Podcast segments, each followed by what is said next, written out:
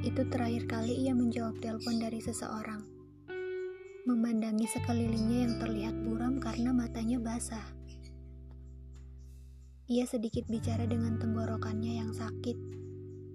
Ia dengar suara di seberang baik-baik saja dan akan selalu begitu.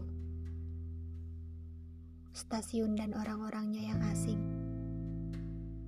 Tidak ada yang bisa ia peluk atau memberikannya sapu tangan. Kota kecil warna hijau toska yang sudah lama disiapkan.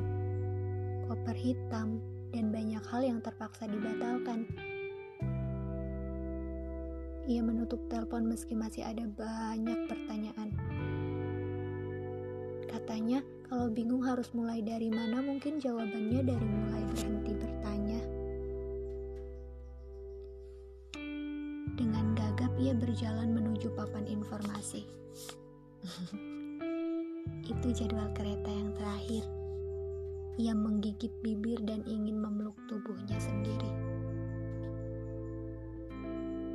Ia dengar suara di seberang baik-baik saja dan akan selalu begitu. Pulang ya, kita salah arah. Pulang katanya pada diri sendiri.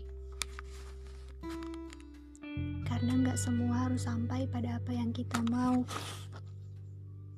Karena hal-hal berharga dalam hidup seseorang bisa jadi hanya menjadi sampah di hidup orang lainnya.